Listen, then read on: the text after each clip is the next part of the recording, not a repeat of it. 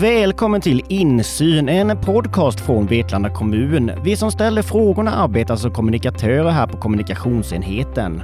Jag heter Niklas Karlsson. Och jag heter Johan Knutsson. Budgetarbetet för Vetlanda kommun är i full gång. Varje år tar kommunen fram en budget som visar hur vi ska fördela pengarna för de kommande åren. Det är förvaltningarna som kommer med önskemål och politiken som prioriterar och beslutar.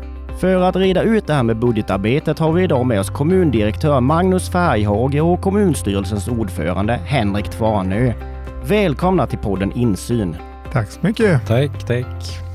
Hur ser kommunens ekonomi ut egentligen? Vi har ett bra år bakom oss. Ja, det har vi. Eh, resultatet 2021 eh, blev ju riktigt bra. Det bästa i, i, kommunens historia, 143 miljoner. Så det är ju ett jättebra resultat. Eh, men ser man mer sådär överlag så ja, då kanske det lite i någon mening tråkiga svaret är att kommunens ekonomi om man jämför med andra kommuner är medelgod. Vi ligger lite mitt i.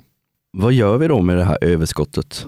Vi behöver ha stora överskott. Vi gör jättestora investeringar eh, eh, nu och eh, under eh, förra året så investerade vi för ungefär 180 miljoner så att eh, det här överskottet eh, det behövs för att fylla på likviditeten och kunna betala investeringar, inte behöva låna lika mycket eller just ja, överskottet behövs när vi har stora investeringar hur stor är egentligen budgeten? Jag menar, vad kostar det att driva Vetlanda kommun? Ja, det, det där är ju liksom en, på sätt och vis en lite svår fråga. Man kan säga att den totala omslutningen lite i, i runda slängar är 2 miljarder. Eh, så det, det, är ju den liksom omslutning som hela verksamheten eh, har. Då. Men var kommer de här pengarna ifrån? Då är det ju så att eh, 1,3 miljarder ungefär där är skatteintäkter eh, och då är det ju mycket genererat av eh, våra eget, liksom, men också av utjämning eh, som sker över riket. Då. Så att det är eget skatteunderlag och utjämning. Och Sen är det ungefär en, en halv miljard i statsbidrag och sen är det eh, intäkter och avgifter eh, i övrigt. Men Henrik, då, hur går det här budgetarbetet till? Ja, men det börjar tidigt under våren med att vi tittar på föregående år och, och, vad vi har haft för utfall och hur det har funkat i våra verksamheter. Sen är det att försöka att bedöma vad vi tror att det blir för utveckling nästa år. Och där får vi också väldigt mycket underlag från Sveriges kommuner och regioner med prognoser på skatteintäkter och, vad man tror det blir för kostnadsökningar och vad det blir för löneökningar. Så, där. så väger man ihop det där och det ska då vara färdigt någon gång i juni. Ett eh, färdigt budgetförslag. Men hur svårt är det att göra en budget egentligen? Jag menar, går det verkligen att planera för alla kostnader? Nej, det gör det inte. Det är, ta, ta ett jätteenkelt exempel så kommer det 7 cm snö så kostar det 250 000 att snöröja. Det är svårt att veta idag hur många dagar det ska snöa nästa år. Och kommer det 20 cm snö så kostar det dubbelt så mycket och kommer det på helger så kan det också kosta eh, ungefär 100 000 extra varje gång för att då är det, övertids, eller då är det obekväm arbetstidsersättning eh, om man ska ploga på helgerna. Där. Så att det, där får man ju ta ett snitt på vad, vad har det varit de sista fem åren. Är, man kan ta ett sådant exempel inom socialen att om det flyttar hit en familj och det inte funkar så kanske vi behöver placera ett av deras barn. Då kan det, om det kommer i januari så kostar det 5 miljoner, kommer det i december så kostar det bara 500 000. Så det, det är omöjligt att på öret eh, budgetera för allting, utan det blir ju väldigt mycket bedömningar. Hur har utvecklingen varit och vad tror vi? Och, ja, titta bakåt i tiden helt enkelt. Vilka är involverade i det här budgetarbetet då? Ja, det är, det är jättemånga tjänstepersoner som är med. Eh, sen ifrån politiken så är det vi som är kommunalråd. Eh, sen har vi ofta att alla gruppledare för partierna är med också, så att alla partier får chansen att vara med och påverka. Magnus, vad är då utgångspunkten, alltså siffermässigt i budgetarbetet? Eh, utgår förvaltningarna från samma för budget som man haft året innan? Ja, det är så vi, vi jobbar, att man utgår ifrån hur det har sett ut året eh, innan och sen eh, tittar man ju som Henrik var inne på då, vad, vad tror vi om löneutvecklingen då, de kostnaderna och sen räknar man in för att försöka kunna kompensera för det fullt ut då. Så att det, det läggs ju in som en grund kan man säga. Eh, får förvaltning eh, en annan täckning för ökade kostnader eller om fler barn i skolan kommer till eller alltså fler äldre får omvårdnad. Alltså, har man fler saker inräknade? Vi tänker också på elpriser och oljepriser som också håller på att stiga i höjden. Det är ju underlag då som respektive eh, förvaltning eh, redovisar för budgetberedningen. Vilka förändringar har man både i, i volymer, men det kan ju vara andra kostnadsändringar och så som du säger. Och det redovisar man för budgetberedningen. Sen om man kan få kompensation för det eller inte, det beror ju på liksom vilket utrymme finns och hur prioriterar budgetberedningen det då. Så att det, alla underlagen presenteras, men sen blir det liksom ett, ett avgörande och sy ihop en, en, en total utifrån det utrymme som finns. Men hur ska verksamheterna tänka då om de inte får täckning för ökade kostnader?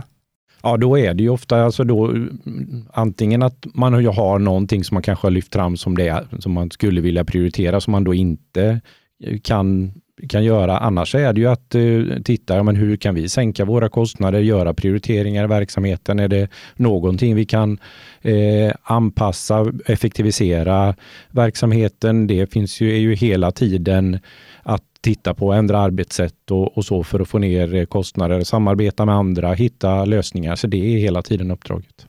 Men är det bara 2023 som är i fokus i budgetarbetet eller planeras det för en längre tid framåt? Eh, budgeten eh, ska eh, omfatta tre år, så vi tittar ju på, på 23, 24, 25. Men sen ska man, får man ändå vara ärlig och säga att eh, just utifrån det som Henrik sa innan, det är så mycket osäkerheter så att väldigt mycket fokus är ju ändå på första året. Men vi tittar också på de kommande åren och ser ja, men vad, vad tror vi om förutsättningarna där så att man inte liksom får för, för stora hopp om man ser att det är stora svängningar. Så då ska man ju ändå liksom ta höjd för det, att det ska räcka över den här treårsperioden. Ja, drift och investeringar nämns ju ofta. Vad är skillnaden för en kommun gällande detta? Det som vi säger då är drift, det är ju liksom den förbrukning som sker eh, direkt. Alltså våran största sån kostnad det är ju lönekostnader till all vår personal. När man utför sitt arbete så uppstår ju eh, den nyttan och kostnaden med en gång. Det är, det är drift. Och eh, investeringar, det är ju sånt som har en, en längre livslängd då när vi investerar i en skola till exempel eh, och så vet jag, ja, nu är det lite olika delar, man säger att eh, ja, men den lever i 40 år, ja, då tar man ju inte kostnaden liksom år ett på hela det, utan då är det en investering och då sprider man ut kostnaden över de här 40 åren. Då är det investering. Och, så det är eh, det som har en längre livslängd än tre år kan man säga. Då är det investering och det som förbrukas direkt är drift. Är det lättare att få pengar till investeringar än till drift? Nej, det skulle jag inte säga att det är. Eh, alltså det som ju är skillnaden då är ju att ett investeringsobjekt, liksom, det är ju en gång liksom, eh, just nu, eller ja, det kommer ju igen någon gång i framtiden naturligtvis efter avskrivningstiden, men, men det är en gång. Eh, driften, det, det, man tar beslut om där, det höjer ju nivån eh, hela tiden, varje år, om man inte sen liksom, eh, konstaterar att nej, men det där måste vi sluta med igen. Så nej, det är inte lättare, men man kan nog uppfatta att det ändå blir lite mer diskussion om investeringsobjekten. Eh, men, men e-, egentligen är det ju liksom, det är bara två fack i samma plånbok. Ja, utöver de här eh, Eh, ökade kostnader då för verksamheterna och, och driften då, så kan jag tänka mig att det finns enskilda satsningar på andra saker eller olika saker. Ehm, kan ni ge några eh, exempel på satsningar som kommer upp i årets budgetarbete? Inte så som någon liksom enskild. Det som jag har redovisats, det är ju eh, volymökningar i skolan och så till exempel. Man har fler barn. Så. Sen har vi ju utifrån förra året så vet vi att det finns ett stort eh, underskott i socialförvaltningen.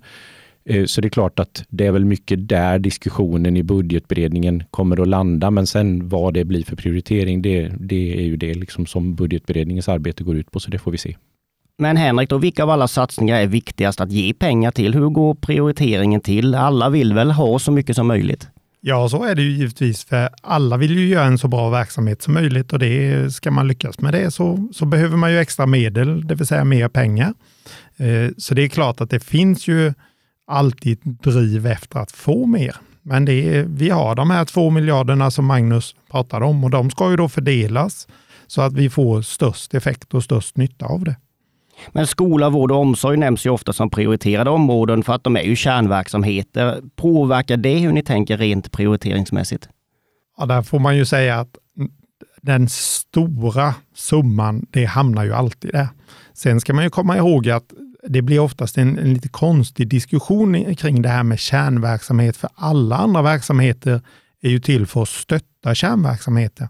Och det är, vi måste inte ha föreningsbidrag, men vi vet att det gynnar skolgången om folk har engagerat sig i fritidsaktiviteter. Vi vet att lite blommor ute på torget gör att folk mår lite bättre. Så, så ett par hundratusen där, vi, det räcker ju med att en var femte år inte hamnar i psykisk ohälsa, så har ju det betalat sig.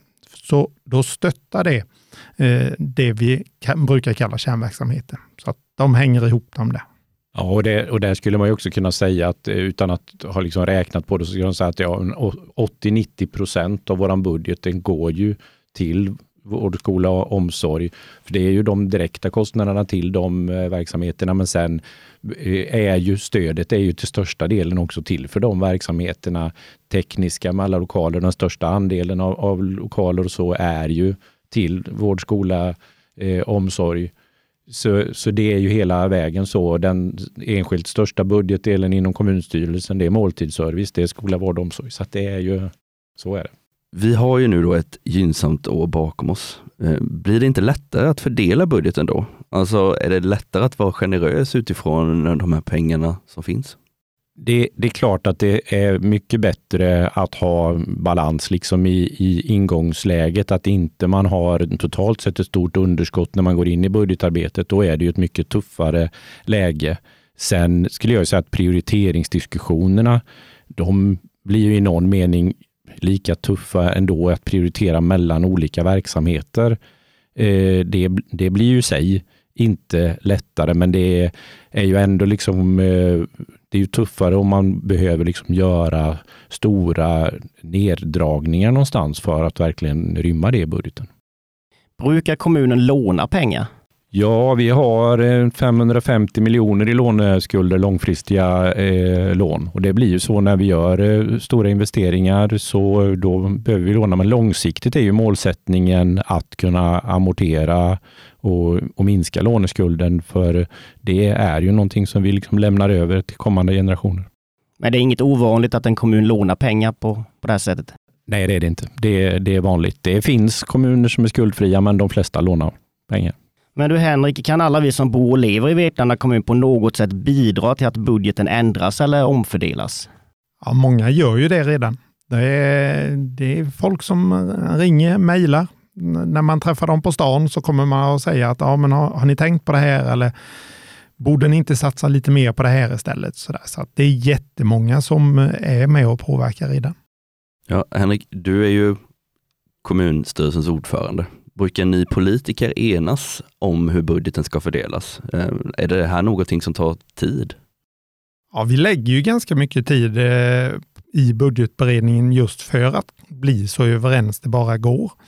Och tar man de här två miljarderna så är vi ju överens om 99 procent och sen när det kommer till fullmäktige så bråkar vi om de här sista miljonerna. Så det, det ser oftast ut som vi är betydligt mer oense än vad vi egentligen är. Sen eh, kan det ju vara så att det skiljer lite mer emellanåt, men vi har en ganska lång tradition av att nästan alltid vara så nära helt överens man kan komma. Och det här beslutet för budgeten, det tas ju i kommunfullmäktige i juni. Eh, kan det finnas mer förslag att ta ställning till då? Ja, det finns nästan alltid mer än ett förslag, men det är, det är på marginalen det brukar skilja. Nu, ja, valår så brukar det vara lite större skillnader. Men du var inne lite på det där, är det någon skillnad på beslutsprocessen i år i och med att det är valår? Ja, den stora skillnaden är ju att vi brukar alltid ta budgeten en gång till på hösten och det blir ju tydligare det när det är valår. För om det då blir majoritetsskifte eller det blir stora förändringar i politiken så ska nya fullmäktige ha chansen att ta en helt egen budget. Eh, så, att det, så i år tar vi ju budgeten två gånger lite tydligare. Men om vi då ska knyta ihop säcken lite här, vad händer nu då när budgeten är spikad sen? Ja, när eh, det rambeslutet är taget i juni då och beslutet om investeringsbudget, då börjar ju eh, nämnderna nämnderna, förvaltningarnas arbete med att eh, göra detaljbudget, att göra en finfördelad budget på detaljnivå, ändå inte så detaljerad kanske, men ändå som respektive nämnd då fattar beslut om. Så det tar man ju då det arbetet är ju då på hösten eh, och den färdiga detaljbudgeten den delges sen för fullmäktige i december och sen är det ju den budgeten då som styr verksamheten under det kommande året och det är ju ett uppdrag till varje chef som ju då har varit med i det här budgetarbetet. vad, behöver jag för utrymme? Och då har man ju fått en budget sen att förhålla sig, att driva sin verksamhet inom den budgeten. Och så gör vi ju uppföljning med prognoser och där man får tala om löpande så att man håller sig inom den budgetram som man då har, har fått eller den tilldelade budgeten för respektive chef. Henrik, är det så att budgeten kan ändras efter att den har spikats i ett eh, kommunfullmäktigemöte?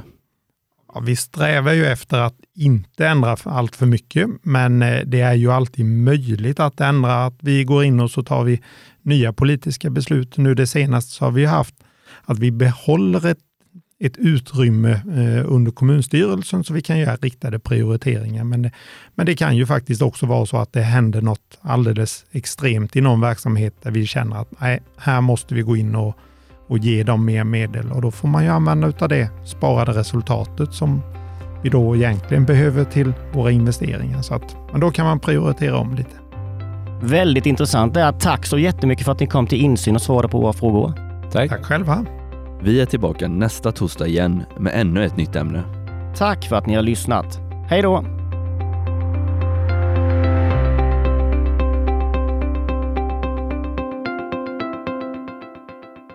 Du har lyssnat på Insyn, en poddproduktion av Vetlanda kommun.